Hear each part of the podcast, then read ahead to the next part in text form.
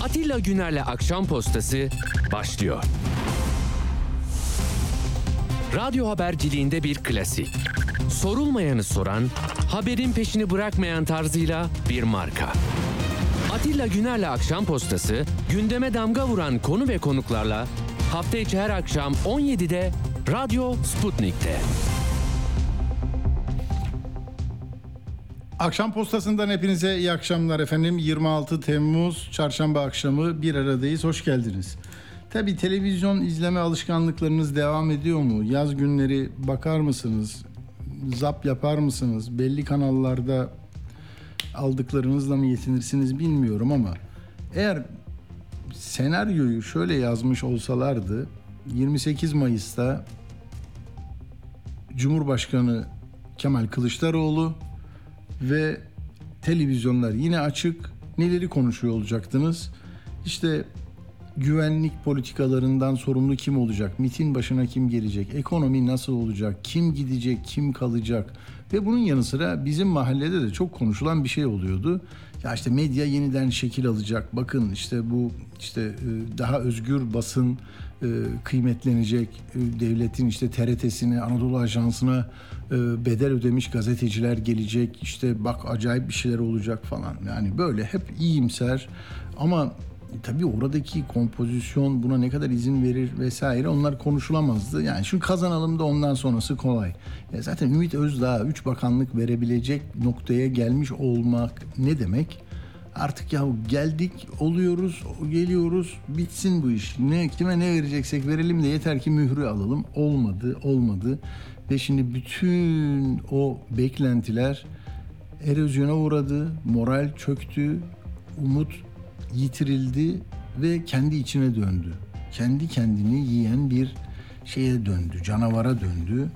Şimdi medyadaki hallere bakın. Yani Cumhuriyet Halk Partisi kendisi için kurduğu Halk TV'yi Deniz Baykal'ın kızından satın alan Cafer Mahiroğlu televizyona çıkıyor ve kendisini savunurken CHP'nin genel başkan yardımcısını ergenlik yaşını geçmemiş, aşamamış, nereden geldiği belli olmayan karanlık adam diyor. Karanlık adam dediği adam çıkıyor başka bir televizyona Eren Erdem. İşte ben doğuluyum, esmerim onun için kara diyorlar. O annem de bana kapkara derdi. Yani bunların içinden siz gelecek tahayyülü de bulunabiliyor musunuz? Yani kimler bizden niçin o istediler ve biz bugün neden bu bu resimle karşı karşıyayız? Öbür tarafta bakarsanız televizyonlara ben bugün KRT'de bile gördüm. Yani plajlar size açık diyen bir turizm bakanlığı var. Ee, Orman Bakanlığı bak harika ormanda yürüme alanları açtım diyor falan. Yerel seçime giderken yani ulaşımdan şundan bundan milyonlarca mesaj size ulaşacak ve sizin rızanızı e, İstanbul, Ankara, Antalya, Adana'yı almak için e, var gücüyle kullanılacaklar. Onlar zaten planlamayı yapmışlar, adım adım gidiyorlar. Ama CHP'nin altılı masanın 14 Mayıs'tan bir sonraki seçime dönük hazırlığı bile yoktu. Çok sıkıntılıydı. Şimdi bunları konuşmayalım, limana gidelim, gemi gidiyor falan filan. İşte böyle bir yani burada bulunmanın kendisine hayır getireceğini düşünenler orada duruyorlar. Türkiye ile ilgili bir mesele olmaktan çıktı bu. Yani biz bu kadar e, önemli bir partinin yöneticisi olarak kalalım. Türkiye'de bir seçim kazanma da bir uzakta bir ihtimal olarak dursun. Biz de gidelim. Tamam mı? Ya şimdi notlar aldım. Dün dinledim her ikisini de. Ee, hani müsaade ederseniz bugün biraz ben uzun konuşacağım da. Hani meslek adamı derler ya. Onca senemizi geçirdik. Ne görüyoruz? Nasıl bir şey bu? Duygularımı hiçbir denge arayışı olmaksızın e, edebiyle anlatmaya çalışacağım size. Şimdi e, Cafer Mahiroğlu ben tanımadım etmedim. Dört yıldır bu televizyonu yönetiyor. E, tahminimden daha ifade kabiliyeti yüksek diyeyim. Yani konuşuyor, bir e, dayanak noktası var. Anlatmak istediklerini e, düzgün bir ifadeyle anlatıyor. Kendi e, bakış açısı, dünya görüşü, müktesebatıyla doğru orantılı bir şekilde e, açık sözlü bir görünüm vermeye çalışıyor. Gergin, çok zor bir e, şey aslında yaptığı yani kendisinin olmayan bir e, kamera karşısında Fatih Altaylı'ya konuşuyor, sorular soruluyor. Kendi televizyonu da bunu banttan can, yayınlıyor. Ama kesilmemiş, edilmemiş. Şimdi ben ne öğrendim buradan biliyor musunuz? Ee, yani çarpıcı şeyler öğrendim. Bunları önce bir bant yaptırdım. Bir, bir buçuk dakikayı geçiyor. Ee, burada Cafer Mahiroğlu'nun Halk TV'si yani sizin belki önem verdiğiniz akşamları işte seçimi kazanmak üzereyiz. Ne güzel de konuşuyorlar.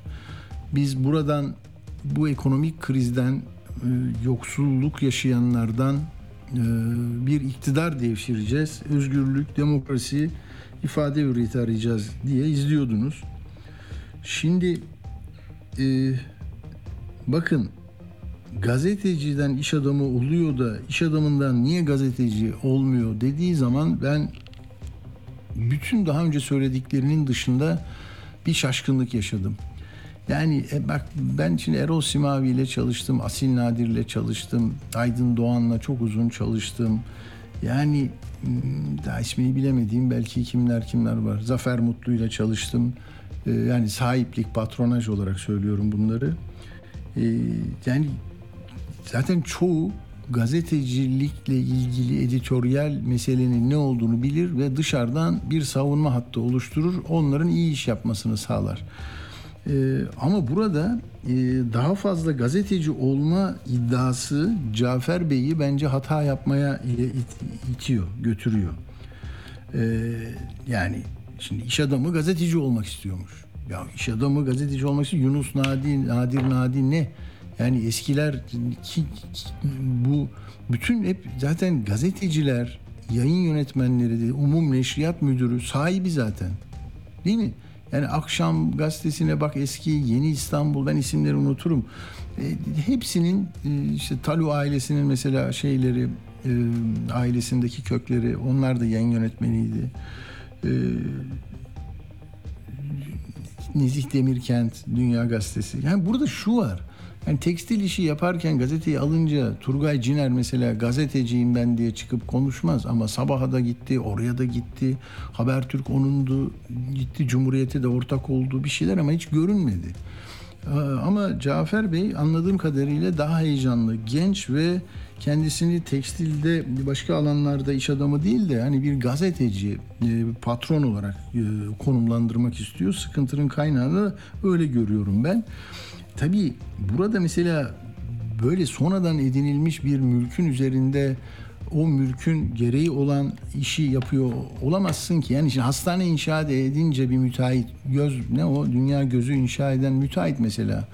Göz doktoru değil ki o. Hani göz doktorluğu yapıyorum. Niye bir iş adamı göz doktoru olmasın diye mi demez. Hani bu meslek bu kadar hani 3 yılda parayı verip de 2 milyon dolarla basın kartı alsan ne olur? Müdahale edip bir, bir şekil vermeye çalışsan ne olur? Yani sen bu bir yatırımsa yatırım, ilkeler, anayasa, çalışacağın gazeteciler, çerçeve bu. Namus, etik, evrensel ilkeler, Türkiye, ifade hürriyeti, minder bu kardeşim. Bu minderin içinde böyle dürüst bir şey yapın. Para yetmiyorsa ben veririm. Ama Türkiye öyle bir savruk dönem yaşıyor ki şimdi e, bu sözleşmeyi Eren Erdem imzasıyla CHP ile e, Halk TV arasındaki sözleşmenin iptali e, her şeyi karıştırdı. Bilmiyorum ortalama bir Türk insanı, bir CHP'li ya da karşı mahalleden birisi ne der buna? Yani diyor ki işte grup başkan vekili konuştuğu zaman, sözcü genel başkan konuştuğu zaman biz bütün yayını keseceğiz, onu vereceğiz, bunun parasını alacağız. Bunun bir habercilik olmadığı, editoryal bir bağımsızlığa muazzam bir e, ne derler ket vuran yakışık almaz bir müdahale. Çünkü hani eski abiler, ablalar bir yerde e, gazetenin birinci sayfasını kapatın böyle bir şey geliyor diyemezsin. Yani bunu çok usulüne uygun e, ve haber olduğunu ikna ederek yapabilirsin patron olsan bile. E, burada sonunda Mahir Bey dedi ki, e, Cafer Bey dedi ki Ya dedi zaten bunlar 45 dakika yayın yapıyorsun. Orada 5 dakika haber haber var. Siz öyle yapmıyor musunuz? 5 dakikasını haber yapıyorsunuz. Geri kalan zaten kendi reklamları bunların. Ben onun parasını alıyorum dedi en son. Bu da çok çok aydınlatıcı bir şey. Yani şunu diyor bu parti yer bulamadığı için benim benim kanalımdan kendisini e, halka e, iletmek istiyor ama bana da bunun için para veriyor. Aslında ben bunun içinden 5 dakika diyor da öyle ne ya 5 dakika? Ben televizyonlarda 9 yıl yöneticilik yaptım. Kimin 5 dakikasını veriyorsun? Yani zaten bir haberin süresi 1 dakika. Yani 60 ile 90 saniye arasında bir haber yapıyoruz biz. İçinde de ses açtığımız yer belli. Yani Faik Öztürk bu meseledeki sert dilini ortaya koydu. Sert diliyle bu meseleye e, şey yaptı. İşte ahlaksızlık dedi diyorsun. Sesini açıyorsun, kapatıyorsun. Bir şeyler söylüyorsun, özetliyorsun. Bir daha ses açıyorsun. Toplasan 35 saniye konuşamaz ki adam zaten. E şimdi buna bize para veriyor mu bunun? Yok. Ama sen 45 dakika bunun 10 katı 100 katı yayınlayınca da diyorsun ki ya bunun içinde zaten haber yok. E peki tüketen neyi tüketiyor? Ha o zaman Erdoğan'ın hani il başkanları toplantısını bütün televizyonlar veriyor ya.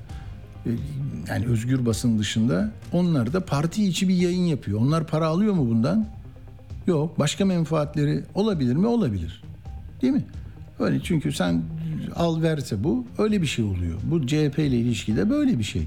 Ha ya bu basını ayakta tutmak için para lazım böyle. Ya bir sürü belki başka enstrümanlarla falan filan olurdu bu. Sonra da Cafer Bey diyor ki bunlar diyor zaten hortum satıyordu. Kıl dökücü bilmem tüy dökücü bir şey satıyorlardı.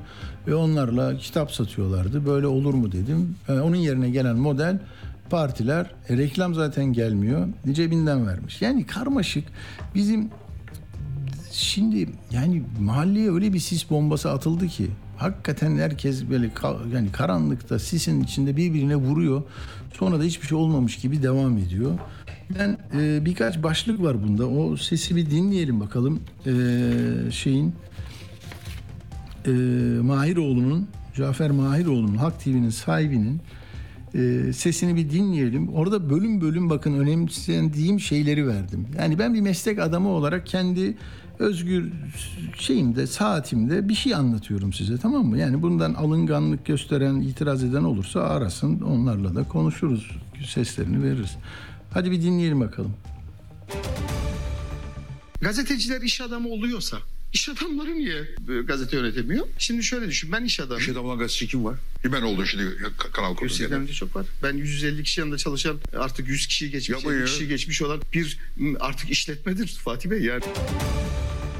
Benim genel kurulumu yayınlar mısın? Şimdi şöyle bir şey genel kurulundaki durum nedir? Haberse Hı, yayınlarız. Değilse yayınlamayız. Mesela İyi Parti veya bilmem X Parti geliyorsa genel kurulu yayınlar mısınız diyor. Yaparım Bedeli yani. mukabili Yap- yapıyoruz. tabii, tabii, tamam. Yaptım demiyorum. Yaparım. Yaparım. Tabii. Niye yapmayayım ki yani sonuçta burada bir anlaşma varsa benim yayın ilkelerime uyuyorsa yani dışında bir şey değilse neden yapmayayım? Sonuçta siz büyük bir medya kurumundan geliyorsunuz. Yöneticilik de yaptınız. Geçmiş gazetelerde de yöneticilik yaptınız. Sponsorluk anlaşmaları yapmadınız mı Yaptık. Fatih? Sağlık programları yapmadınız mı Fatih? Yapıldı. Turizm programları yapmadınız mı Fatih? Yapılmıştır. Bunlar içinde oteller tanıtılmadı mı? Bir gazete lokal bir gazete okudum. Bu şahsın trolü. Diyor ki Cafer Mayeroğlu'na Halk TV'ne 70 milyon TL verildi diyor. Kim ya vermiş? el insaf ya. CHP mi vermiş? CHP vermiş bana. Ya bu emek hırsızlığı bu kadar kolay mı ya? Yani vurgun yersin, doğru düşünemeyebilirsin, şirazen kayar, bir şey olur. Ama yani bir de bunun bir limiti vardır yani. Parti sözcülerin anlatımlarını baştan sona verdiniz mi? Hiç. Hepsini vermedik tabii. Tamam teşekkür ediyorum. Çünkü bunlar kendi reklamlarını anlatmaya dönüktür. Dolayısıyla haber değeri olanları kesersiniz verirsiniz. Bu haberdir biz de bunu yapıyoruz. Ama senin grup başkanın çıkıp 45 dakika kendi yaptıklarını anlatırken haber değeri içinde 5 dakikalık bir süre ben 40 dakikayı niye vereceğim? Karanlık diye tabir ettiğim, nerede geldiği belli olmayan, çocukluk devresini geçirememiş, ergen düşüncesine sahip birisi Atatürk'ün kurduğu bir partide genel başkan yardımcılık koltuğunda oturamaz. Evet, Cafer Bey kelle istiyor. Eren Erdem yaptı diyor ama Kemal Bey'in kapalı toplantıdaki konuşmaları aktarılıyor zaman zaman görüyorsunuz. Orada sustuğu için de zaten e, Kemal Bey e, bunun e, bir parçası olduğu çok açık. Yani televizyonda Halk TV'de kendisini eleştirenlerin çoğaldığını görünce Yani bizim paramızla A Haber oldular bunlar. A Haber gibi olmasınlar e, demiş. Yani bu yalanlanmadı, etmedi. E, yani burada çok e, ciddi sınır ihlalleri var. Tamam mı? Hani Türkiye'de de böyle sınırlar anlaşılamıyor. Hükümet, hükümet, devlet nerede ne başlıyor? Yöneten, işte yargı, yasama, yürütme herkes flu alanda tek bir sesin, e, tek bir iradenin e, her şeye şekil verdiğini görüyor. E, bu durumda çok daha dikkatli olması gereken ve geride olması gereken bir basın patronu olmalı bence. Yani burada çok yönetmek istiyor, çok işin içine girmek istiyor. Dolayısıyla şu anda bu yayını yapmakla e, ve Eren Erdem'in kellesini istemekle başka bir evrene gitti bu televizyon. Ee, ha Kemal Bey'in özellikle korunduğunu e, ve bir gün daha bekleyeceğim dediğini biliyoruz. Öyle bitirdi. E, İzledinizdir, e, izlemişsinizdir. Yani Kemal Bey'in haberi yok daha söylemediler ona diye mesela bu da çok ikna edici olamaz ya. Kemal Bey başından beri biliyor ama Halk TV ne yapacağız diye herhalde onlar da konuşuyorlardır. Ha bu arada Halk TV para almadan yine bütün toplantıları veriyor. Dün de CHP grubunu verdi. Bugün de bir sürü CHP'liler bağlanıyor. Ama KRT hani daha böyle Tuncay Özkan'ın da orada şeyi var, e, dahli var. E, Orası CHP'nin kanalı, e, yani Kemal Bey'in kanalı olmaya aday. Herhalde burada İmamoğlu'yla çok ilişkilendirilmesini istemedi. Dedi ki o da e, her belediye gibi benim bir konuştuğum yerdir. E, Bir sorun yok dedi ama herhalde bu sonradan şekil alacak. Ne olacağını bilmiyorum. E, Bir de bu şu Cafer Bey'in söylediği şeye ne dersiniz ya? Diyor ki şeye Fatih'e sizin diyor bir sürü televizyonlarda da bulundunuz ettiniz diyor. Sponsorluk anlaşması yok mu diyor mesela sağlıkta, turizmde. Otelleri tanıtmadınız mı? He? Göz doktoru yok apandisitini böyle aldır. işte göbeğinden böyle bir şey yağını aldır falan tamam mı? Bak onlarla senin haber alma hakkın, siyasetin nerede nasıl bir e, haber e, olduğuna dair e, beklentin otel tanıtımına dönmüş. Burada da bir sorun var. Bu da sorunlu. Yani bunu ya böyle silkelenip herkes eteğindeki taşı döksün, ortaya çıksın e, ya da böyle kenardan, köşeden e, bu, bunların altından kalkmamız çok mümkün olmayacak. Çünkü televizyonu konuşarak aldığı isim Deniz Baykal. Deniz Baykal'dan almasını isteyen yani ben kulislerden biliyorum Kemal Bey. Kemal Bey bir arkadaşına adamına söylüyor yakınına e, Cafer Bey'i buluyor. Cafer Bey'in Kemal Bey adı yok ortada. Üçüncü kişi bunu görüştürüyor. Almayacaktım ama aldım diyor. Aslı Hanım 2 milyonu alıyor ve CHP'nin olan televizyonu CHP'li olduğunu söyleyen bir iş adamına veriyor. Ne dedi? Yani şirketin genleri hafızası var, özdeşleşmiştir. Ben de evet CHP'liyim ama bu demek değildir ki CHP'ye teslim olacağım. Ee, yayınımı yapacağım ben diyor. Neyse bir ara zaten dedi yani izleyicisine saygısı olmayan bir televizyondu bu dedi. Sonra düzeltti. Neyse e, şimdi aralarında söylesem yakışık almayacak bir sözcük de geçiyor. Ee, yani Levent Gültekin'in bir programda söylediği lafa Eren Erdem çok kızıyor. Seni oraya çıkaran bilmem neden e, hesap sormak lazım diyor. Şimdi o hesabı soruyor diye anlıyor şey. Ama e, partinin bence kurumsal bir kararı bu.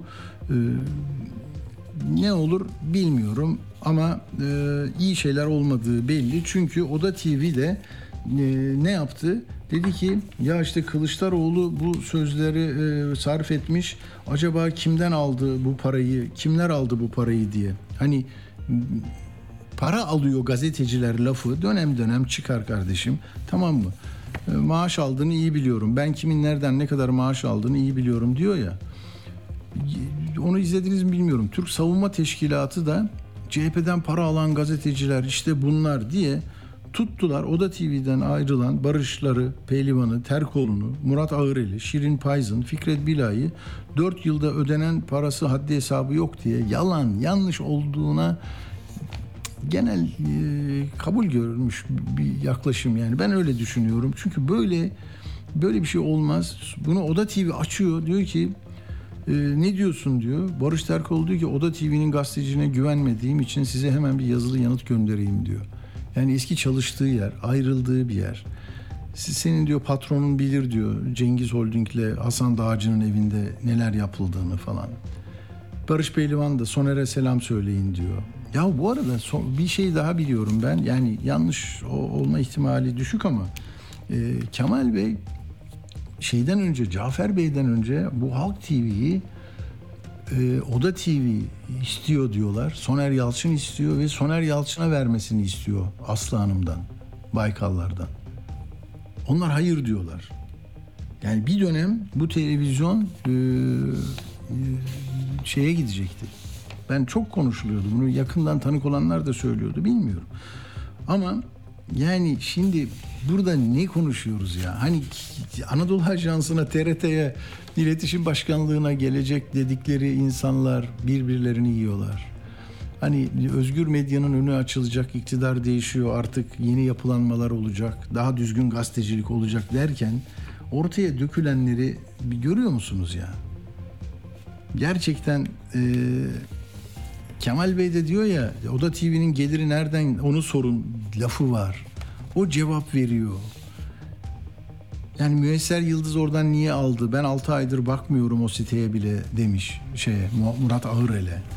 Ya bunları bak hani derler ya bazen ya ne olursa olsun böyle bir sıkıntı halinde Erdoğan bir çıkış yolu buluyor. Mutlaka bir yani tuşa basıyor ve bir şey değişiyor. Ee, platform değişiyor, sahne değişiyor. O yeniden ışıklar yanıyor, o önde oluyor. Ya burada bak onun dahli var mı? Hangi noktalarda nasıl bir dahli var? Bu kaybettiğin zaman böyle. Kaybettin. Ve seçimi ben kaybetmedim. Yenilgi değil bu. Ben 25 milyonum var diyorsun. Daha devam edersen böyle zaten ne olduğunu göreceğiz. Şimdi hangi televizyonlar ne, ne yapıldı? Hangi televizyonlarla ne anlaşması yapıldı? Şeffaf, anlaşılır bir şekilde bunları herkesin ortaya koyması lazım. İki, Nasıl mesela Ruşen Çakır'a Medyaskop sen bunu alıyorsun aldın yurt dışından dediler. Ya adamın sitesinin altında zaten logolarıyla beraber o vakıfların enstitülerin adları var. Bunu da herkes biliyor. Devlet de biliyor. Paranın geldiği, harcandığı yer vesaire. Şimdi burada başka bir şeyler var. Bilemediğim bir şeyler var ama e, ben tabii bu oda, adacıkların, odacıkların içinde olmadım. Hep müstakil kalmaya devam ettiğim için oralarda ne olduğunu bilmiyorum. Mesela diyor ki Cafer Bey ya troll ordusu kuruyor adam diyor. Ayda 150 bin lira veriyor diyor. YouTuber'lara diyor. Gazetecilerle anlaştı diyor. Yani şimdi ben eskiden bizle anlaşıyordu şimdi gidiyor onlarla anlaşıyor demek bu. Ne oldu yani şimdi? Bilmiyorum. Yani buradan ne çıkacak bilmiyorum. Dediğim gibi peki kimle ne anlaştınız diye şey sordu. Mehmet Akif Ersoy, Eren Erdem'e Habertürk'te değil mi? Bak orada da bir cevap var. Yani bu cevap mı ne kadarı sizi ikna ediyor? Hani Erdoğan'ın ve bu dönemin bakanları, genel müdürlükleri, başkanlıkları bir açıklama yaptığında içinde bir şey yoktur, bilgi yoktur tamam mı? Sadece laftır. Eren Erdem de başka TV'lerle var mı? Var. 8'e 10 televizyonun anlaşması var. E onlarla niye? Ya onlar da huzur huzur devam ediyor diyor. Yani ben ne istiyorsam o. Ben editoryal şeye karışmıyorum diyor ama ya niye iptal ettin o zaman? Bir şeye kızdın işte. Kemal Bey'e laf edildi diye istemediğin adam çıktı diye. Sen süren kısaltıldı, reklamın verilmedi diye değil ki. Ha burada Cafer Bey de diyor ki hani kendisi 45 dakikalık grup toplantısının sadece 3-5 dakikası haber gerisi reklam diyor ya onu da reklama sokmuş. Diyor ki benim aldığım para çok ucuz bir reklam tarifesinden aldığım paradır. Açıklamam onlar açıklasın diyor. Ahlaken yani bizim namusumuza havale ettik diyordu ya şeyde Kemal Bey e, Özdağ ile ilgili 3 bakanlık verdiğinde onun namusuna havale ettim diyordu. Ya bir namus, iffet, haysiyet, şeref tamam mı? Böyle bir şeyler var, etik ama ortada ortada boşluk var ya. Bak Eren Erdem ne diyor? Başka televizyonda var. Evet var. E, biz orada tıkırında her şey. Bir sorun yok. Bunlar yaramazlık yaptı. Kestik bunların biletini diyor. Bir dinleyelim. Başka yaptığınız kanal var mı? Vardır olur yine olur da yani. Var mı? Var. Hangi kanallar? Onu söylemem doğru olmaz. Neden normalse neden Yani, söylemiyorsunuz? Şimdi o, o, o özel. Bir başlangıç Bu anlaşma normal mi? başlangıç değil. Türkiye'de normaldir. Normalse neden başkalarıyla yaptığınızı Söyleyeyim. Tabii. Şöyle onlarla aramızda böyle bir fesih yok. Devam eden bir süreç Gizli var. bir anlaşma. Onunla gizli değil. Onların e, taraf olarak bunun paylaşmamızı istemeyebilirler yani. Olabilir. Ama Türkiye'de zaman normal değil. Türkiye'de Bilinmesi normal. Hayır yani normal. Şöyle normal fakat bunu bilmiyoruz? ifade etmeye gerek yok. Yani bunu ifade etmemiz gerekmiyor. Görüyor musunuz? Bunun bu da başı var. Onun yazılı olarak da önümde. İsveç'te değil ama Türkiye'de normal. Bunca televizyonla benim açıklamalarımı vereceksin sana para vereceğim. Ya da İngiltere'de değil ama Türkiye'de normal. İşte bu tamam mı? Zaten buradan bitiyor her şey. Demokrasi orası İngiltere ama burada olmaz. Orada yürüyebilirsin. Yani meclis binasının önüne ineklerle gelip tarımla ilgili meseleni anlatabilirsin. Demiryolu işçisi, kamu görevlisi grev yapabilirsin ama burası Türkiye. Yani bize iki farklı böyle tarife uygulanıyor. Tamam mı? Onun için zaten Avrupa Birliği de sen ne yapıyorsun ki seni alacağım diyor. Sen gebertiyorsun bu, bu meseleyi, o hedefi. Sonra işine geldiği zaman para lazım olunca çıkarıyorsun. Al işte muhalefet yeniden iktidar adayı İsveç'te olur, İngiltere'de olur, burada olmaz. Tamam mı? Buna girdiğin zaman zaten çıkamazsın. O zaman milli gelirin de İngiltere'de, İsveç'te başka bir şey. Her şeyin burada, orada olamayan burada olsun. Orada olan burada olsun kardeşim. Tamam mı? İfade hürriyeti mi? Özgürlüklerin sınırı mı? Ana, ana Avrupa İnsan Hakları Mahkemesi'nin kararı çıkıyor Strasbourg'da tanımam diyor. Tanımam ben kendi bir yerli milli karar alırım diyor. Yani sen de orada olur bu orada geçerli. Orası demokrasi burada olmaz. Yani buraya uygulanacak metotlar bunlar ola- olacak mı ya? Öyle böyle bunu mu layık görüyorsunuz yani? Peki. Burada bilmiyorum. Bu kadar saati niye verdim ettim. Biraz meslek hikayesi, biraz meslek heyecanı. Hani yani şimdi ne bileyim ya. Erol Simavi bir gün kızmıştı içeye Canan Evren'e böyle 9 sütun o, zaman 8 sütundu tepede bu- şey yazmıştı. Paşam diye yazmıştı. Bir haberi e, gidip Güneş'in e, Caterpillar yolsuzluğu vardı. Onu şeyin işte neydi ya? Çukurova Holding'in e, onu yazmıştı Ko- Kozanoğlu Çavuşoğlu grubu. Onlar o haberi biliyordu, tutuyorlardı. Nasıl bu haberi verirler, kulağını çekin diye. Sonra Özal'a yazdı. Kalp hastası oldun, da ameliyat oldun ondan sonra dengen değişti senin. Sen senin gibi başbakan bilmem ne böyle acayip şeyler yazdı. Yani arada böyle iki defa bir şey söylerdi o kadar. Ya da o işte ordu evine çağırdığı zaman Özal, Evren istemediği bir şey varsa ona itiraz ederdi. O kadar. Görünmezlerdi bu insanlar. Şimdi şey değişti. Tamam eskisi gibi olsun değil. Onların gücü başkaydı. Şimdi televizyon, dijital başka bir şey dünya kuruluyor ama e, bilmiyorum. Biz böyle geleneksel gazetecilikte bunları e, gördüğümüz zaman çok içerlerdik. Yani reklam müdürü gelecek de bize bir şey söyleyecek. Bu haber, şu haber de aman bunu iyi verin dedi. Gidin yani o yazı işleri katına giremezdi ya. Şimdi geldiğimiz yere bak. Adamın normal bir basın toplantısını parayla vermek durumunda kalıyorsun. Ve sen bunu şeye benzetiyorsun yani sağlık ve turizm etkinliği sponsoru.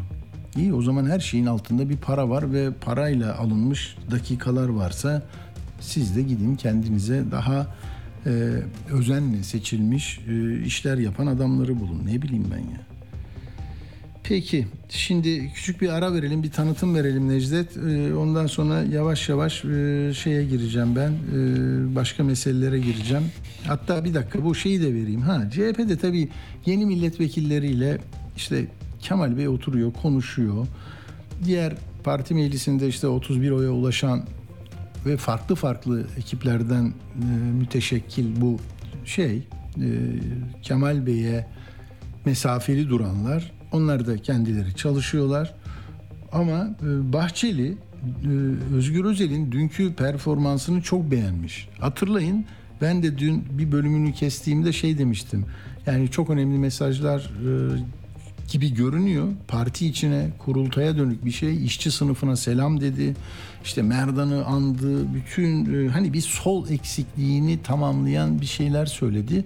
Ama en sağdaki e, Bahçeli bunun Ekrem İmamoğlu'nun e, ehvenişer olduğunu söyledi liderlik yarışında. Enteresan değil mi? Dinleyin. Belki e, duymayanlar vardır.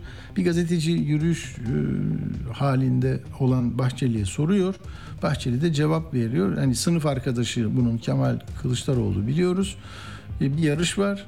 Kimin yanında yer aldığını daha solda olanın yanında yer aldığını anlıyoruz. Burada da işte Türkiye şeyi bunlar, düğümleri. Bir bakın bakalım. Özgür Bey'in konuşması çok heyecanlı yapılmış bir konuşma. Aynı zamanda kongre konuşması havasındaydı. Kongre konuşmasına benzer bir konuşma usulüyle. Kendi kendime sordum. Cumhuriyet Halk Partisi'nde sınıf arkadaşım devam etmezse Ekrem'e karşı özgür derim. He?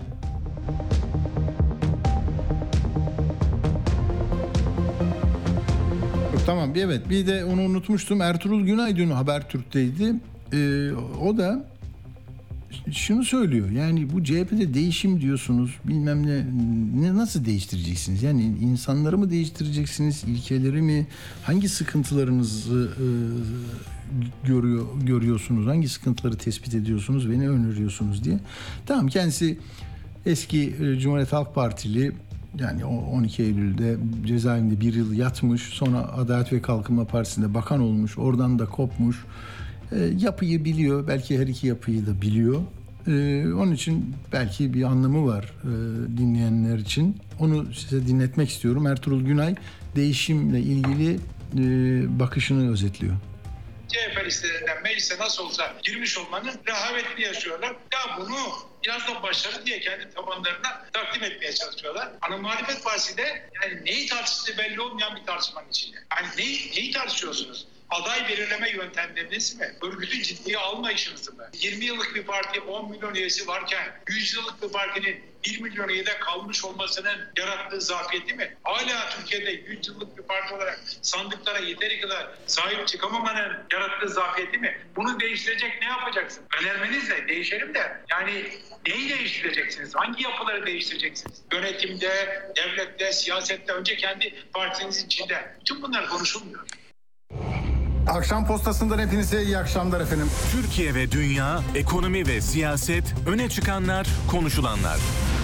Biz ne yaşıyoruz? Böyle geçim derdinden mi? Kültürel bir mesele mi? Kimlik mi? inanç mı? Bu insanların tepkileri nasıl bir anda siyaseti yeniden şekillendirecek güce ulaştı? Bütünün parçaları buradaki öncelikli toplumsal kesimler kim olacak? Oralar çok belli olmadığı için olup bitenlerin perde arkası. ne olursa olsun demokrasi mücadelesine devam edip seçime saygı göstermek demokratik bir olgunluktur. Twitter'ın tümüyle kapatılması ya da bazı tweetlere erişimi sınırlandırılması seçeneklerden hangisini istiyorsunuz? Pazartesi fiyatları nasıl değerlendiriyorsunuz abi? Acayip pahalı. Can yakıcı bir pahalılık var. Vay bu milletin hali. Radyo haberciliğinin dört ödüllü programı. Radyo Sputnik'te Atilla Güner'le Akşam Postası programında söylenen sözler. Radyo yayıncılığı ödülü kazananı Atilla Güner. Atilla Güner'le Akşam Postası hafta içi her gün saat 17'de tekrarıyla 21.30'da Radyo Sputnik'te. Atilla Güner'le Akşam Postası devam ediyor. Evet siyasetle ilgili birkaç notum vardı unutmadan söyleyeyim. Tanju Özcan CHP'den ihraç edildi. Hani Ankara'ya kadar yürüdü koltuk fırlattı kızdı etti. Zaten bir yıl e, üyeliği dondurulmuştu. Geçici e, dışarıda bırakılmıştı. Neyse şimdi de Kılıçdaroğlu ile ilgili sözleri nedeniyle partiden atıldı. Bolu'da be, bağımsız belediye başkanı. Ee, onu da söylemiş olalım. Bir de CHP'li yazarlardan e, notumda ne var? Ha, Fehmi Koru diyor ki e, CHP gemisi su alıyor, kaptan seyrediyor. CHP'li medyada aynı sularda ha battı ha batacak diyor. Taha Akyol da Türkiye muhalefet krizi yaşıyor e, demiş. E, Türkiye tam bir muhalefet krizi. Yani Erdoğan da zaten başından beri böyle bir şeyleri söylüyordu. Bu muhalefetten 100. yılda kurtulalım diyordu. Topyekün e, kurtarılması e, çalışmasına kendi e, şey muhalefette böyle e, şeyler veriyor. e, Malzemeler veriyor. Bakalım ne olacak göreceğiz. Şimdi biz Amasra davasına çok önem verirdik biliyorsunuz. 30, 30 43 işçi hayatını kaybetti 14 Ekim 2022'de.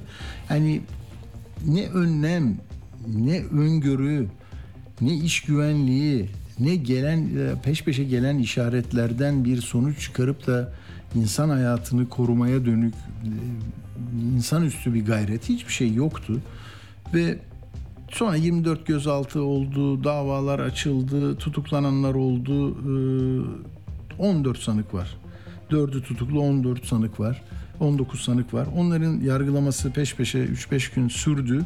Şimdi orada ifadeleri okudum da ben yani maske kullanmayı bilmiyordum. Son zamanlarda fazla ısınma oluyordu. Ee, arkadaşlarımızı kaybedince geçecek yerim kalmadı. Önümü göremiyordum. Kafamdaki lamba yanmıyordu. Yani inanılır şeyler değil. Ee, her şeyi ortaya koymuşlar. Ee, iyi ki tahliye de olmadı. Ee, çok ağır cezalar isteniyor zaten. Daha önceki böyle facialarda sorumlu olanlar yükseldiği için biz endişe ediyorduk. Ee, Şimdi anlamaya çalışalım. Hayatını kaybeden madenci Soner Akın eşi Özge Ak hattımızda. Ee, merhaba Özge Hanım. Merhaba. Evet acılarınızı e, deşmek istemeyiz ama e, siz de duruşmayı izlediniz herhalde değil mi? Ee, Size Evet, de söz hakkı oradaydım. verildi. Oradaydınız. Evet, oradaydım. ne- ne oldu? Duruşmada sanıklar var. Onlar kendilerini savunuyorlar. Sizin talepleriniz var. Daha önce e, yaşadıklarınız var. Duruşmadaki tabloyu nasıl gördünüz? Na- Nasıl e, yani hakimler nasıl bakıyor ve bu olayı çözmek için e, şey gidiyor mu yani yargı iyi çalışıyor mu? Ne düşünüyorsunuz? Ya hakim bu konuda e, sadece tek taraf düşünüyor. E, onları savunuyor. Ya ölenler ölmüştür diyorlar. Yani hiç ölenleri yani savunmuyorlar yani. Giden gitmiştir diyorlar sadece. Ya avukatları bile hep onlardan tarafa. Ya bizim mesela avukatlarımız ses çıkarmıyor. Onlarınki onları korumaya çalışıyor. Yani bizim başımıza gelen yarın bugün onların başına da gelebilir. Evet. Evet. Ya benim mesela üç tane yetimim kaldı. Ya mesela küçük kızım iki yaşında baba baba diyor. Yani resimlerine bakıyor sadece. Ya. Ya aynı acıyı onlar da yaşamasınlar. Kimse yaşamasın bu acıyı. Biz Tabii, olay tabii. olacak. Olay, olaydan beri ne gelen var ne giden var. Eşimin abisi de şu an cezaevi altında. Yani O hepsi da şu yaralı yaralı kurtardı değil mi? Yaralı kurtuldu. Evet, o da şu an yaralı. İzadak'ta şu an yaralı yani. O da hala tedavisini o zaman biter. Eski sağlığına kavuşabilir mi? Zor yani şu an onun için. Peki ne Özge Hanım bu olaydan önce e, rahmetli Soner Bey eşiniz anlatır mıydı bir Ya farklılık eşim- eşim- olduğunu? Eşim Hı. anlatıyordu işte iş yerinde böyle bir koku var. İşte gaz kokusu. Yani bunlar neden? Bana diyordu işte bir ay önce diyordu işte. İşte kapanacak 45 gün izin izin olacak dedi. Bunların hiçbiri olmadı. O gün o gün o şey miydi? Vardiyasın kaçtaydı? O e, yeni mi gitmişti 4-12. yoksa mesaisi? 4-12. Hı? 4-12 idi. 4-12 idi. Evet 4-12 idi. Yani o gün mesela Cuma'ya gitti. Cuma'dan eve geldi. Çocuğuna, çocuklarının hepsini iyi bakın kendinize. Hoşçakal. Sen dedi yani. Olsa işe girmeden bir otağı aradı. Eşim bana dedi ki hakkını helal et dedi. Biz zaten hep sürekli düzenliyorduk birbirimize. Hakkımızı helal ediyorduk zaten. O iş olsun başka türlü olsun. Çarşıya gittiğinde sürekli biz birbirimize zaten helal kılıyorduk. Yani bir şey olma ihtimali vardı değil mi? Korkuyordu içeride çünkü tedbir alınmadığını anlamıştı yani. Ya onu zaten anlatmış abisine de anlatmış. Abi içeride böyle bir koku var. Bize içeride patlayacağız falan demiş yani. Abisine de anlatmış aynısını. Görüyor Ya musun? eşim, Görüyor musun? eşim eve, eve geldiğinde yani hiç çocuklarla son bir aydan beri hiç çocuklarla oynamıyordu. Bizde doğru düzgün Hmm. muhabbet etmiyordu. Sürekli halsizim. Başım ağrıyor, uykusuzum diyordu. Ya. Allah rahmet eylesin. Tabii e, siz üç evlatla şimdi baş ediyorsunuz. Ne oluyor? E, yani maddi açıdan en azından bir e, şey bağlandı mı? Yani sizin hayatınızı devam ettireceğiniz kadar bir aylık var mı? Ne ne veriyor devlet böyle Ya durumlarda? Devletimizden de Allah razı olsun. Evet ya Allah hiç kimseye başımızdan eksik etmesin. Çocuklarımın benim getirinceye kadar maaş verdiler. Tabii ben Bir kendi mahsuru yoksa öğrenebilir miyim? Ben ilk defa soruyorum birisine. Yani uygun görüyorsanız mesela bir madenci vefat ettiğinde üç çocuklu e, eşine e, ne ne bağlıyorlar maaş? yani şöyle söyleyeyim ben kendi maaşımı sayarsam sekiz buçuk yer alıyorum şu anda. Hmm. Yani E, yine bu zamanda bir para değil ki. Baksana en düşük ma- ma- memur 22 bin lira oldu. Ya öyle de işte yapacak bir şey yok. E, şu an zaten köyde oturuyorum yani şehir merkezinde oturmuş olsam ben bu parayla geçinemem Tabii. zaten. Ha, şimdi bir biri çocuğun biri okuyor biri de bu sene başlayacak. Diğeri zaten daha iki yaşında bezleniyor. Tabii. Peki rahmetli çalışırken ne kadar alırdı? Yani daha yüksek mi olurdu madencilerin paraları? Onun gideri 15 buçuktun. Tabii. Ta o zaman öyleydi. İşte yarısına yakınını veriyorlar. Geride üç çocuk var. Toplu bir para veriyorlar mı? Evet, toplu falan işte çocukların işte okuyanın e, her ay üstüne atıyorlardı işte. Atıyorlardı. Anladım. Anladım. Neyse asıl mesele bu değil ama ben merak ettim. Kusura bakmayın. Yani hem Önemli acılı bir şey. değil. Burada önemli olan tabii şeyi e, yargılama sırasında böyle göz göre göre gelen bir ölümü önlemeyenlerin e, nasıl bir ceza alacakları değil mi? Asıl mesele bu. Siz orada sanıkları gördünüz. Onun müdürleri oturuyor orada. Bir kısmı Tabii, cezaevinden getirildi. Gördünüz. Hepsini gördüm. Onlar ne diyorlar? Sanki bizim hiçbir suçumuz yok değil mi? Öyle e, savunuyorlar kendilerini. Sanki bu nereden oldu? Yani nereden geldi bu olay? Her şeyi yaptık ama bu kadar insanı nasıl öldürdük değil mi? Mesele o. Eşim bana işte e, o gün işe gitti. Ertesi gün şey perşembe günü anlattığında şef bize sıkıştırıyor. Kömür lazım. Sizin keyfinizde bize kömür lazım. Yani şef bunu dedikten sonra hani işçiye bir şey düşmüyor. İşçinin ne düşüyor? Kömür çıkarmak düşüyor. Ha, şef Ya. mutlu yerden para kazanıyor. İçine bile girmemişler yani. O gün hiç ne şef var ne mühendisi var. Ha, 4 diye kimse hiç yargılamasın. Hepsi içine girmesi gerekiyor. İşçiden önce mühendisin, şefin, çoğuşun girmesi gerekiyor. Ha, içeri Evet, direklemesi de gerekiyor. Mesela gaz kokusu var mı yok mu? Bunların hiçbiri yok. Ha, eşimin Peki. eve geldi. Evdeki e, işte iş yerinden getirdiği maske kendisi bile açamıyor. Bir, bir gün ben de denedim açmayı. Ben bile açamadım yani. O e, onun açmış olsaydı bu kadar şehrimiz olmazdı zaten. Ha, herkes hayatta Anladım. kalabilirdi. Onlar o, o maskeyi açabilselerdi şu an bu kadar can kaybımız olmazdı. Anladım. İnşallah e, duruşmalarda bu gerçek ortaya çıkar. Raporlar zaten onu söylüyordu bilir kişiler. E, ve sizin mesela yüreğiniz nasıl rahatlar? Yani bir ce- ceza olursa değil mi? Yani bu kimin sorumlu olduğu ortaya çıksın ve hak ettiği cezayı alsın değil mi? Aynen yani bak bizim canımız yanında başkasının canı da yanmasın. Hep, hepimizin eşleri, çocukları, anne baba yani hepsinin var. Şu an bugün benim Evet. başıma gelen yarın başkasının da başına gelebilir. Ya başkası da bu acıyı çekmesin. Biz 9-10 aydan zaten çekiyoruz. Herkes yani orada oturanların hepsi yalan söylüyor. Ya bugün senin başına gelen bu yarın senin de başına gelebilir. Bunu Tabii, kimsenin tabii. ne olduğunu bilemez ki. Doğru. Allah sabır versin. Bir de adalet e, mutlaka sağlansın diyoruz. E, rahmetli Soner Ak'ı da rahmetle anıyoruz. Özge Ak'la konuştuk. E, Amasra'da eşini kaybeden e, Özge Hanım'a sabır diliyorum e, ve adalet diliyorum tekrar. E. Hoşçakalın. Sağ olun. Sağ olun efendim. Evet böyle e, Amasra'yı devam, takibe devam edeceğiz. Şimdi e, yangınlar da e, ne durumda? Uğur hemen bağlansın arkadaşlar. Uğur Koçbaş. E, Kemer'deki orman yangınında havadan karadan müdahale sürüyor. Daha henüz bitmemiş diye görüyorum. E, Saruhanlı'daki orman yangında bir kişi tutuklanmış. Beykoz'da bir yangın e, önlendi. İstanbul'da e, yine Sultan Gazi'de Çalılıklar'da yangın var. Kütahya'da, e, Afyonkarahisar'da, Yalova'nın Çınarcık ilçesinde yangın başlamış ve söndürülmüştü. Ee, durum böyle. Ama hava bugün tabii çok rekor sıcaklar dendi vesaire. Uğur'la belki e, elindeki son notları da konuşuruz. Ben de çok hissettim. Yani böyle saç ne saç kurutma makinesinin püskürttüğü hava gibiydi. Bisikletle giderken öyle hissettim. Ee, Uğur merhaba. Merhaba. Evet dinliyoruz seni. Havayla ilgili durum nedir?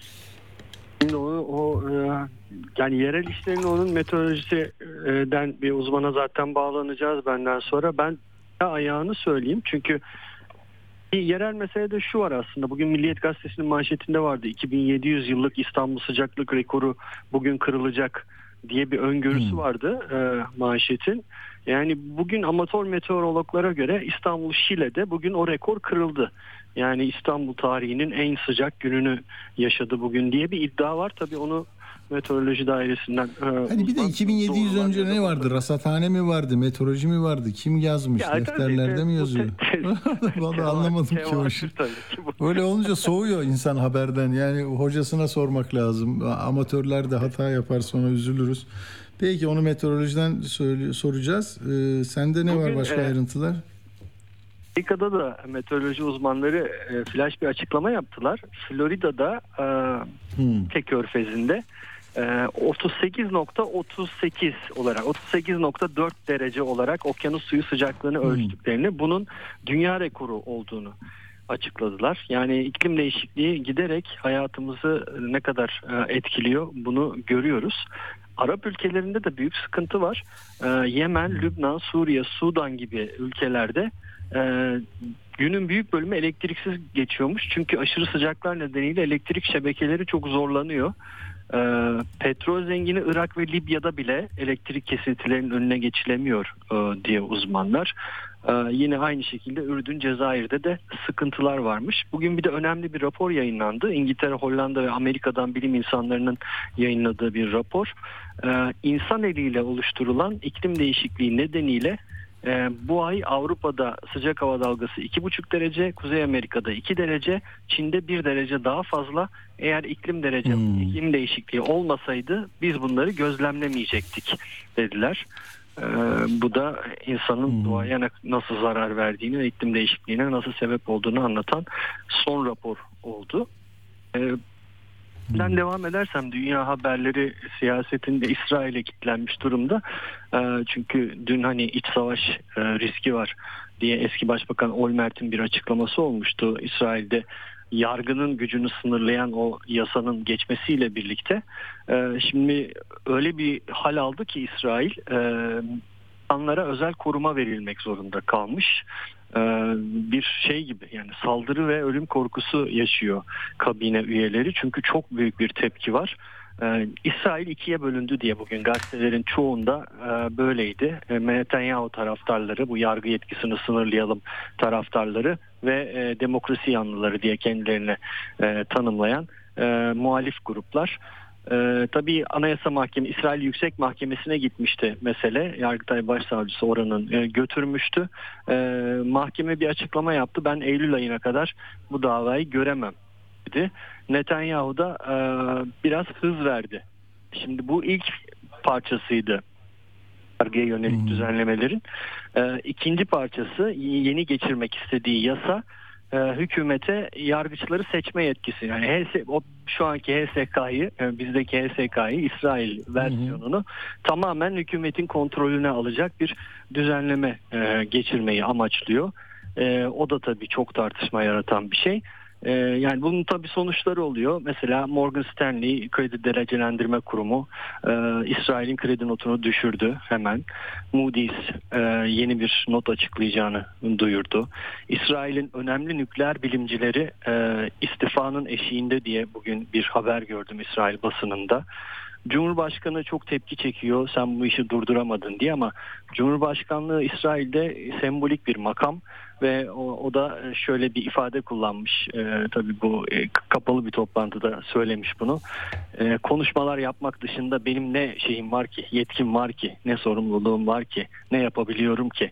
Hmm. Bileceğim tek şey istifa etmekti ama e, benim yerime gelecek olan kişinin de yine e, bu işlere bir müdahale durumu olamayacağı için onu da yapmadım diyor.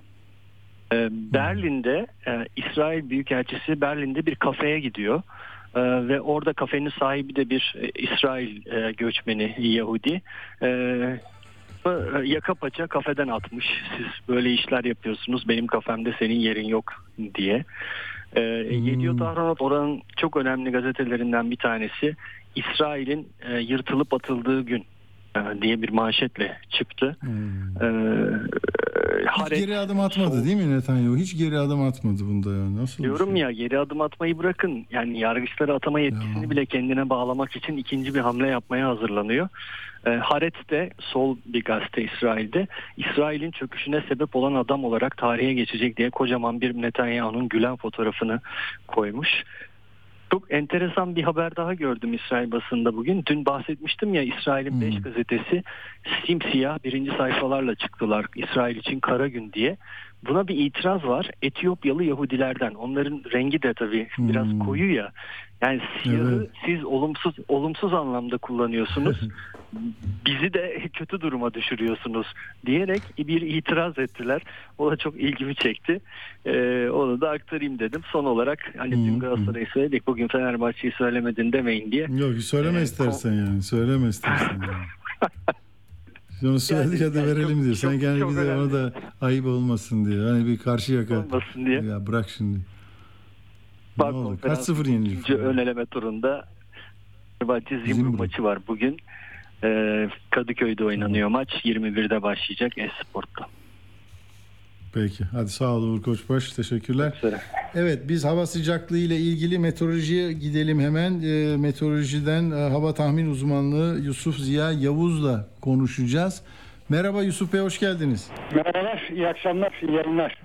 Sağ olun, e, kolay gelsin size. Zor bir gündü belki sıcaklıklar nedeniyle. Hemen bu ölçümler elinize ulaşıyor mu? Yani gün içinde e, hangi değerdeydi ve geçmiştekileri geçti mi? Rekora giden bir şey var mı? Bugün bu saatte öğrenmek mümkün mü yoksa genel havayı mı alacağız sizden? Tabii ki şu anda maksimum sıcaklıkları yakalamış durumdayız.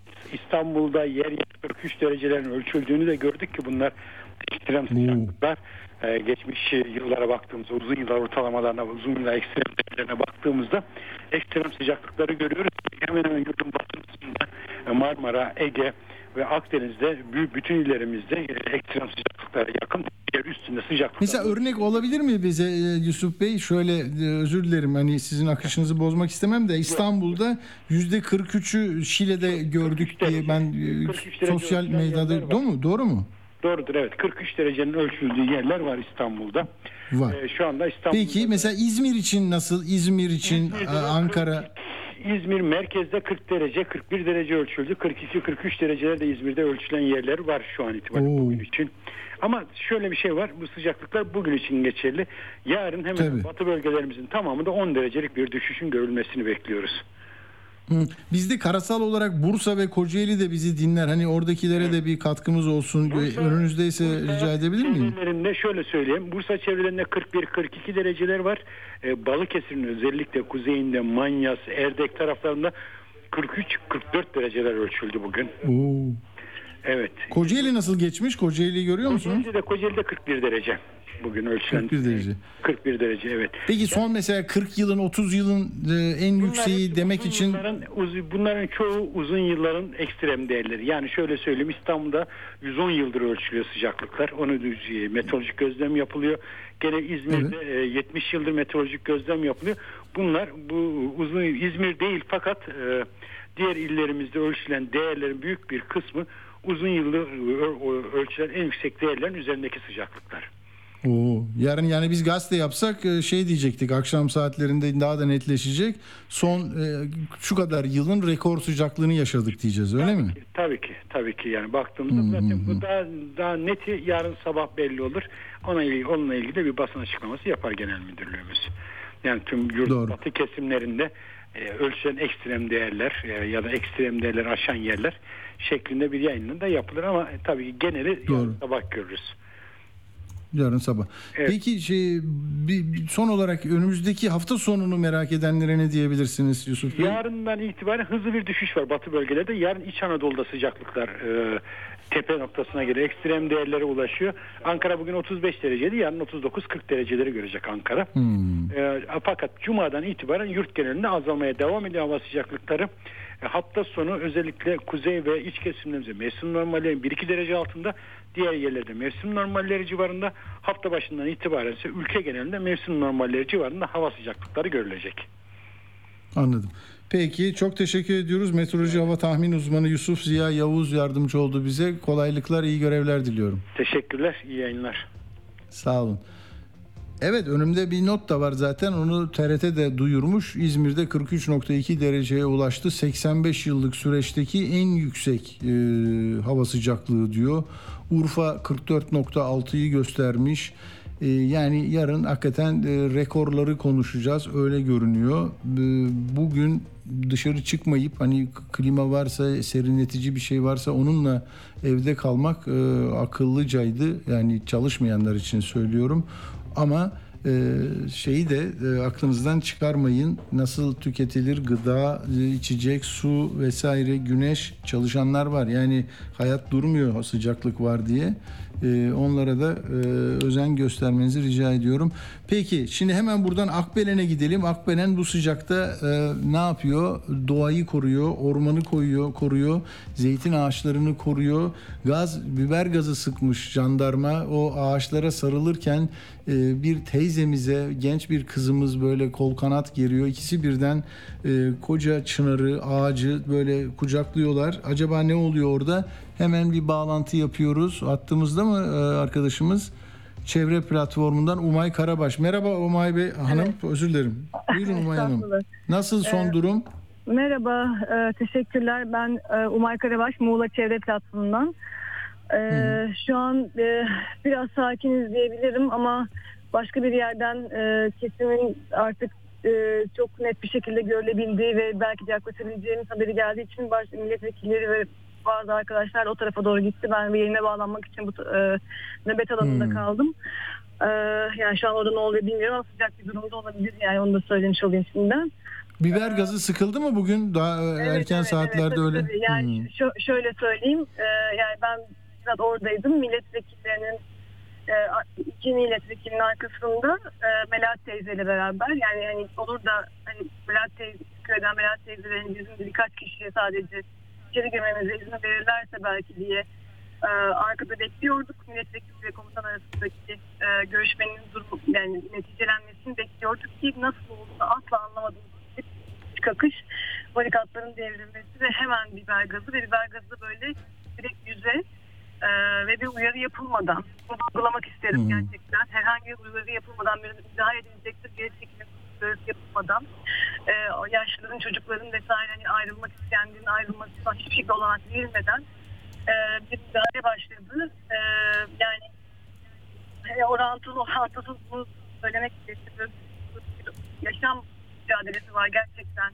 ben tam anlamıyla. İki yıldır hiçbir gün bile aksamamış bir e, orman nöbeti var.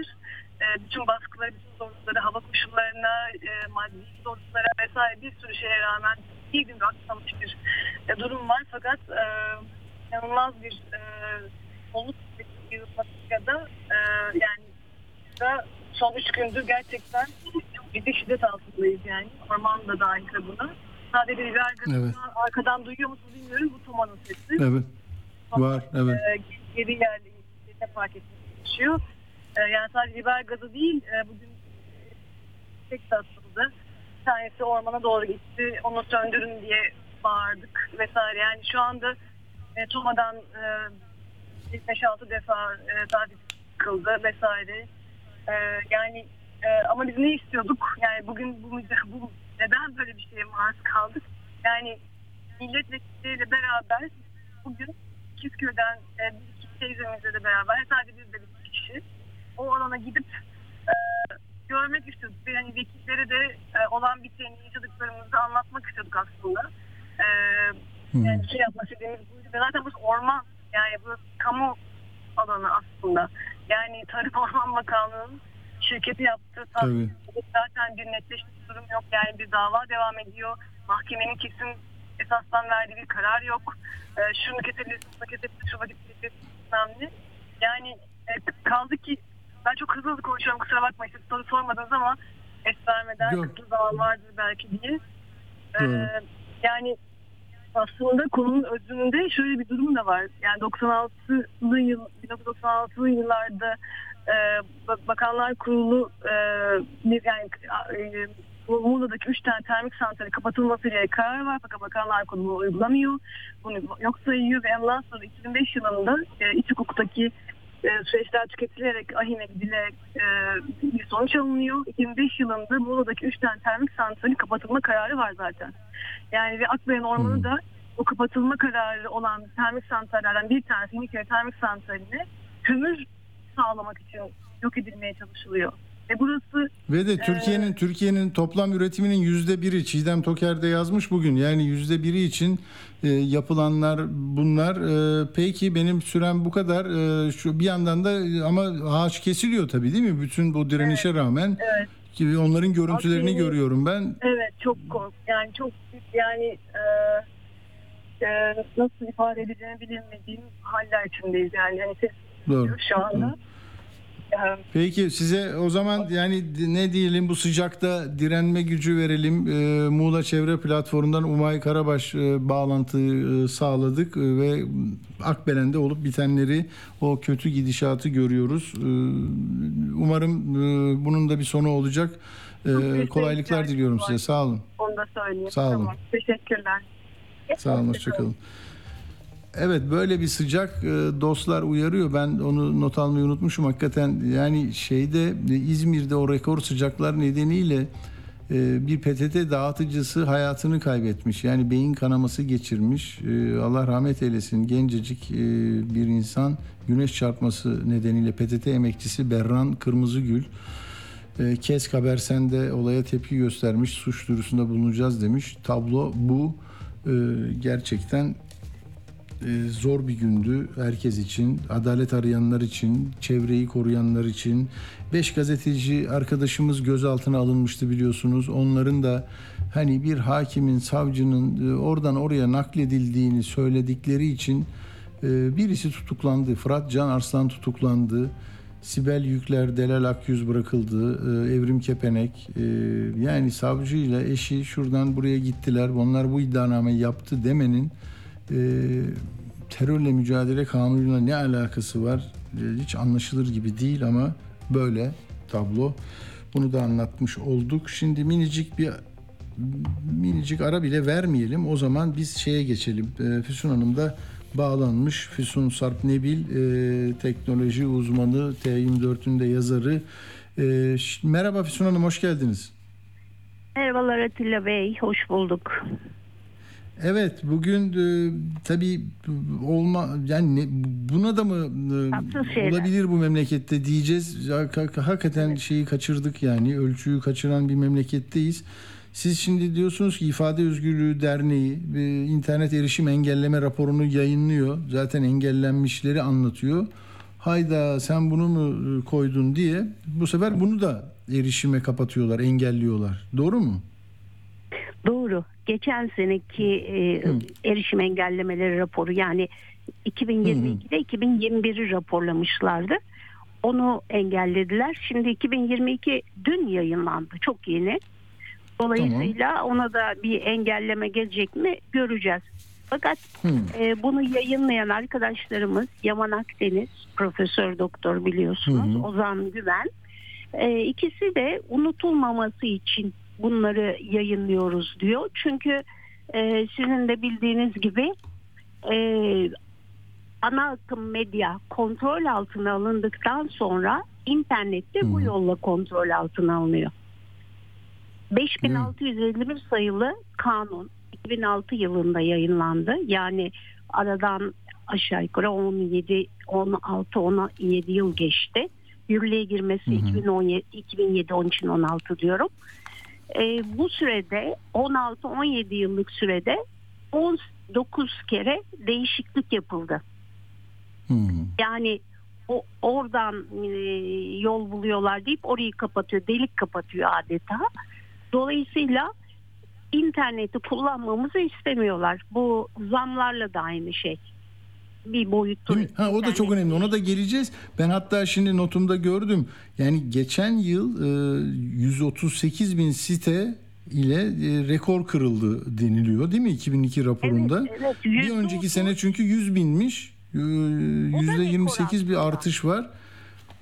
Bu şey değil mi? Türkiye'de meseleleri e, insanlara ulaştırma çabası e, yani kabul edilemiyor. Bu, bu bunlarda sorun var diyor. Neden? İşte bunu böyle yazmışsın.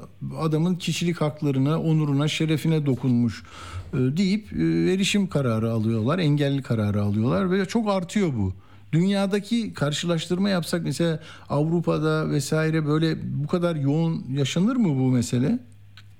Şimdi biz bunları transparency, e, şeffaflık raporu denilen Evet. raporlarla görüyoruz. E, e, Facebook'un, Google'un ya da Twitter'ın zaman zaman yayınladığı raporlar var. Bu raporlarda Türkiye hep açık ara birinci oluyor. E, geçen sene yanılmıyorsam bir Rusya öne geçti bu Ukrayna Hmm. e, olayından sonra ama Türkiye hep önde. Dolayısıyla e, nedir derseniz bir tuhaflık var. E, ne var derseniz şimdi çocuk pornosu hakikaten engellenmesi gereken bir içerik. E, bu kanunda o kiste altında çıktı. 2006'ya giderseniz çocuk pornosunu engelleme adı altında çıktı. O yıllarda Hmm. birdenbire e, tutuklanmalar yapılmıştı hatırlıyor musunuz bilmiyorum. E, Evet, evet, evet, evet. içine- Hatta çok özür dilerim şimdi hatırladım. Küçükleri Muzur Neşriyat'tan Koruma Kurulu diye özel bir şey getirmişti. Onu da sırf küçükler için diye başladı. O döneminde böyle e, özgür e, seslerini o o yasaya göre e, engellemişlerdi. Enteresan. Yani bu işte hükümetlerin e, yaptığı bir şey biliyorsunuz 11 Eylül'den sonra da en büyük tartışma sadece Amerika'da değil tüm dünyada. Güvenlik mi özgürlük mü? Tabii. Evet. Evet. Dolayısıyla bu da yani bir bahane buluyorlar. Şimdi burada e, 2022 yılı rekor kırmış ama %30 üste çıkmış bir önceki yıla. 2021 yılının verileri de bir önceki yılla %30 yani böyle katlanarak artıyor. E, seçim yılı mıdır ondan mıdır bilmiyorum ama burada tuhaf olan şu Atilla Bey Şimdi siz bir içeriği engelleyecekseniz basın kanunuyla da karşılaştıralım. Kim e, şey yapabilir, engelleyebilir? Mahkemeler. Evet. Hani internet çok e, şey bir konu, e, acil e, kapanması gereken çocuğa... Savcı alıyor galiba kararı sonra mahkemeye gidiyordu eskiden değil mi? Evet öyle olması lazım. BTK alıyor resen. Şimdi tuhaf olan şu toplamda bu kadar yıldır 16 yıldır 17 yıldır 738 bin tane site kapanmış. 138 bini son yıl olmak üzere. Bu sitelerin 600 binli yüzde 88'ini yüzde 90 diyelim yuvarlak yüzde 90'ını BTK kapatmış. Yani Onlar BTK da mı kapalı yani itiraz edebiliyor musunuz ona? BTK BTK böyle yaptı deyip yargıya gidebiliyor mu o siteler? Şimdi Oradan bir sonuç başlı- alabiliyor mu? belli başlı siteler yani e, para kazanan avukat tutabilecek siteler Hı hı. gidebiliyor. Doğru. Ama diğerleri uğraşamıyor tabii ki. Dolayısıyla çok sesliliği e- engelleyen bir durum. Doğru. Peki Füsun Hanım bu sitelerin hani diyelim ki 2022'de 138 bin tasnif etmek mümkün mü? Yani ne bileyim haber portalı olarak yani ne bileyim bir blog olarak faaliyet gösteriyor, görüş açıklıyor, resim koyuyor ya da ne ne onlar yani bir adını koyabiliyor muyuz? Şimdi e, bu bahsettiğimiz siteler bir de haberler e, bloklanıyor. Onlara URL'le blokluyorlar biliyorsunuz. E, Evet. Tek tek e, ya şeylere söylüyorlar. E, bu online haber sitelerine şu haberi kaldır diye talimat gidiyor. ya da engelleme yapıyorlar eğer HTTPS değil ise. E, Bunların sayısı da az buz değil. Bunlar da bakın önümde e, 35.023 engellenen URL var. 29.253 de siteden konuşularak kaldırılan URL var. Yine bunların İçerik var hepsi- değil mi? Hmm. Evet, kişisel haklara başlığı altında. Evet. Kişisel haklara başlığı altında ne diye bakarsanız mesela Milli Piyango'nun bir e, engellemesi var. Yani demin o, bunu anlatmaya çalışıyordum. E, engellemeyi kim yapar? Mahkemeler yapar. İşte BTK yapıyor. Bir de 814 tane hakimlik ve kurum, Diyanet İşleri, Milli Piyango, Orman Bakanlığı, şu bu, Joker kulübü. Bunların hepsi engelleme yaptırabiliyor. E, Milli Piyango'nun mesela örnek vereyim. E, orada danışman olarak çalışan bir kişinin e, bir yolsuzluğu ve bu haberi engelletme yapmışlar. Kişisel haklar diye. Yani kamunun bazı bilgileri ulaşması engelleniyor özetle. Çok çok önemli. Bu yani bir de hakikaten iddianame açılmış oluyor, yargılama oluyor, olay şey yani böyle somut elle tutulur bir şey. Ee, olmuştu ya Fahrettin Bey'in iletişim başkanının işte bir evet, evet, boğa- evet. boğaz Evet. sırtlarında bir şey yapıyor. Tamam yapıyor. E, O da diyor ki ben bunu hakkımdı yapıyorum. E tamam haber o zaten. Yani hakkın değil. Hop erişim engeli. Bunu görmeyeceğiz. Değil mi? Yani ölçü kaçmış orada. Kim istiyor? Güçlü birisi istiyorsa, otorite sahibi ise onu reddetmek ha- hiç görmedim yani bir, bir, bir hakimin hayır ya niye erişim engeli vereceğim ki bu özgür basın ve kamuoyunun haber alma hakkına dairdir diyen hiçbir şey olmuyor değil mi? Maalesef yani bazı istisnalar var tabii ki ama genelde olmuyor. Genelde bu Anladım. erişim engelleme taleplerinin hepsi yerine getiriliyor. Çünkü bunların çoğunluğu işte e, üst düzey yöneticiler veya onlara yakın insanlar. Dolayısıyla bu kararlar çıkartılıyor ve kamunun gözünden kaçırılıyor bu haberler. O yüzden bu rapor çok kıymetli bir rapor onu söyleyeyim. Çok çok önemli. Ee, bunu da erişim engeli olmadan edinin arkadaşlar. Ee, kullanın, çıkış alın, bir yere monte paylaşın. edin. Evet. Paylaşın. Tabii de paylaşın. Peki Füsun Hanım sizi e, dinlerken bu en son T24'te de okudum. E, çok ciddi zamlar geldi. Yani bunların e, yani maliyet hesabı mı yapıyorlar? Gerekçe yani benzinle alakası yok herhalde bunun. Ne, nedir? Yani niye biz bu kadar ağır bir e, zamla karşı karşıyayız? Atilla Bey özetle diyorlar ki internet senin neyine? Kullanma. Özeti bu. Allah Şimdi Allah. Maliyet de- demişken çok güzel bir noktaya parmak bastınız. 2004 yılında bu ülkede serbestleşme ilan edildi. Ne demek? Ee, Türk Telekom dışında telekom firması olabilir. Serbest demek.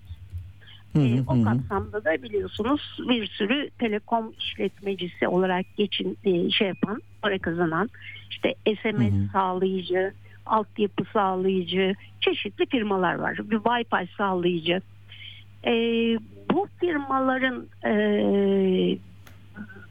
yani rekabet içinde çalışması için düzgün bir telekom sektörü kurulması için ki bu BTK'nın ana görevi şu anda erişim engellemeleri biraz evvel konuştuk.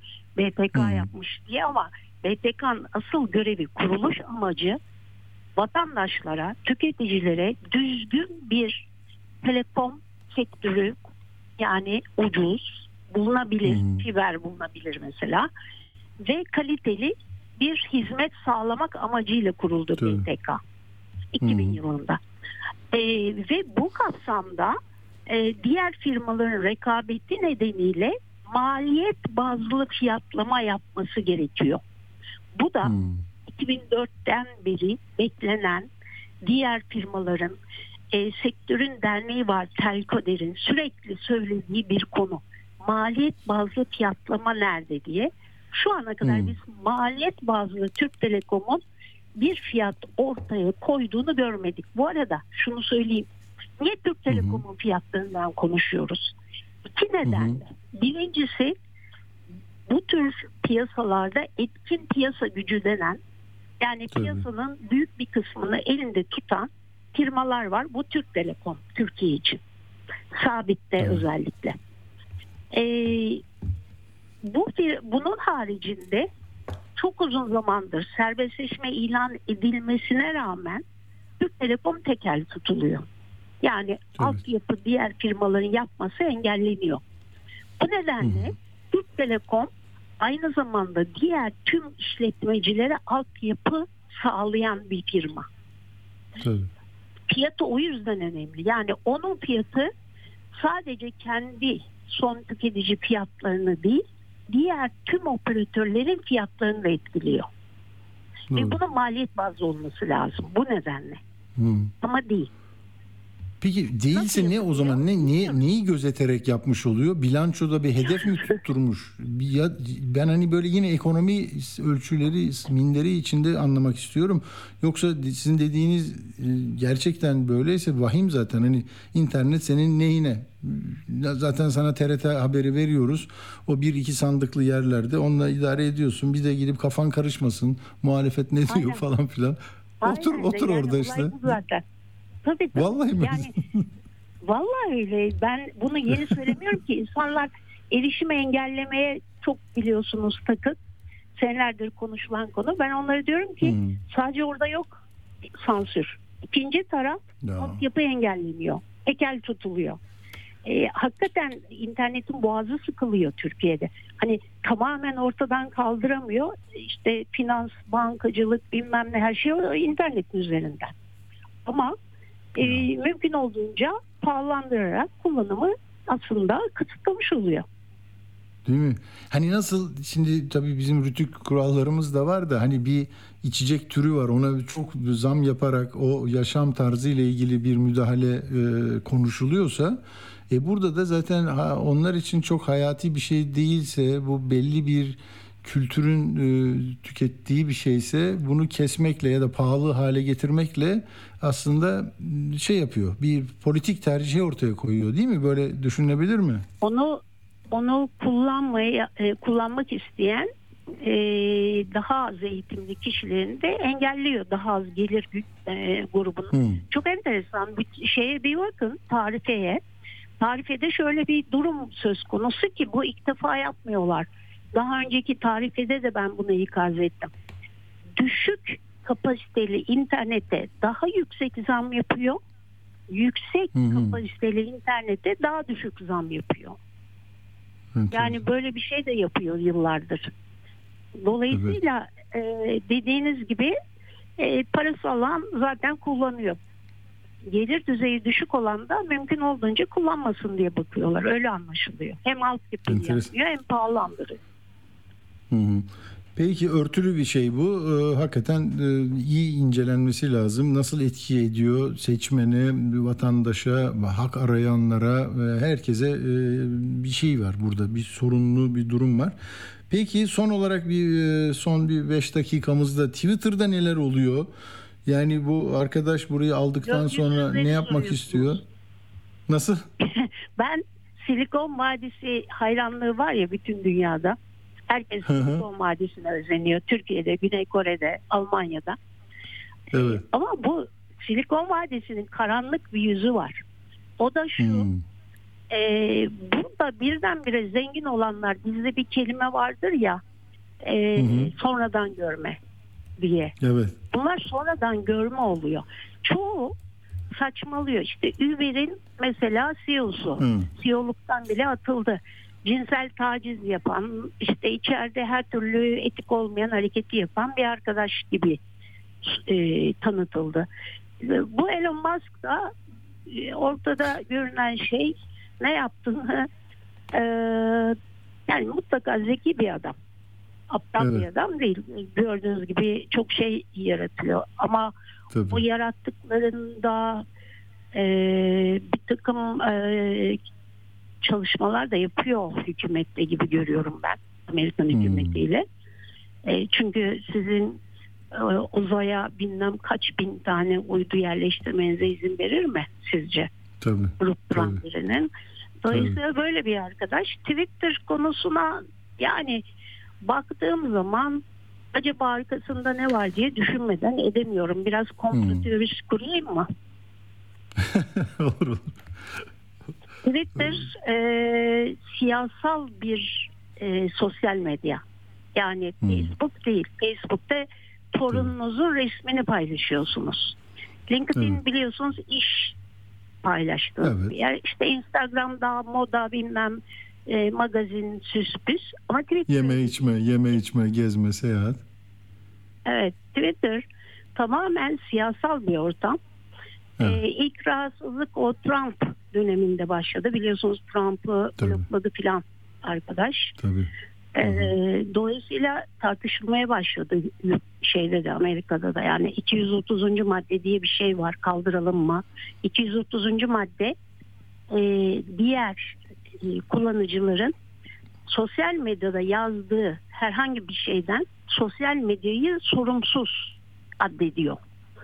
Sorumlu kabul ederse sosyal medya yayına yapamaz. Dolayısıyla e, Twitter'la ve diğerleriyle uğraşılıyor. Şu anda Amerika'da da uğraşılıyor. Ama ben yani bu Elon Musk'ın gelip bunu alması böyle bu kadar zararla şimdi de ben değiştireceğim bunu bankaya çevireceğim ödeme hizmetlerine çevireceğim. İlk baştan da söyledi bunu. Kasım ayında da Evet. süper aplikasyon yapacağım falan diye. Dolayısıyla burada biraz Twitter'dan kurtulmaya çalışanlar mı var diye de düşünmeden edemiyorum. Hmm. E, Evet ama işte onun da yerine bir şey boşluk olmaz. Bu alıştıysa insanlar politik görüşlerini ya da kendilerine benzeyen o yankı odalarını istiyorlarsa böyle bir şey olacak. Ama değil mi öyle girişimler de var Bi- bilmiyorum. O girişimler e, başarılı olabilir. E, bilemiyoruz, göreceğiz. Ama mesela e, şey ne diyor? Dikkat edin. Mark Zuckerberg Threads için, Facebook'un, e, Twitter Evet. için hiç siyasal bir yapı olmayacağız diyor. Baş- Evet. Açık açık söylüyor bu cümleyi. E, Dolayısıyla yani boşluk olmayacak mı? Göreceğiz hep beraber. Bunlar yaşanan şeyler. İ- 1980'lerde e, basın özgür olmalıdır. Halkın basında daha fazla sesi duyulmalıdır diye bir çalışma başlatılmış. E, Birleşmiş Milletler tarafından ve kısa sürede halkın konuşması tehlikeli diye o araştırmaya, çalışmaya son vermişler. Bilemiyorum bunu göreceğiz ama şey Elon Musk'ın tuhaf olduğunu düşünüyorum. Anladım. Peki zaman gösterecek. Ee, çok teşekkür ediyoruz. Füsun Sarp Nebil bilişim uzmanı T24'te de yazılarını okuyorsunuz zevkle. Çok teşekkür ederiz efendim bizimle olduğunuz için. Sağ olun. Sağ olun. Çok teşekkürler. Evet, böylelikle günün sonuna geldik. Ee, Her taraftan bir şeyler vermeye çalıştık sizlere. Sıcakların hani rekorunu yarın daha net göreceğiz. Ee, Değişik değişik açıklamalar var ama meteorolojiden onu aldığımızda anlamış olacağız meseleyi. Sizlere iyi bir akşam diliyorum. Ee, Yarın yine aynı saatte 17'de görüşmek üzere. Hoşçakalın efendim. Atilla Güner'le Akşam Postası sona erdi. Radyo haberciliğinde bir klasik. Sorulmayanı soran, haberin peşini bırakmayan tarzıyla bir marka. Atilla Güner'le Akşam Postası gündeme damga vuran konu ve konuklarla hafta içi her akşam 17'de Radyo Sputnik'te.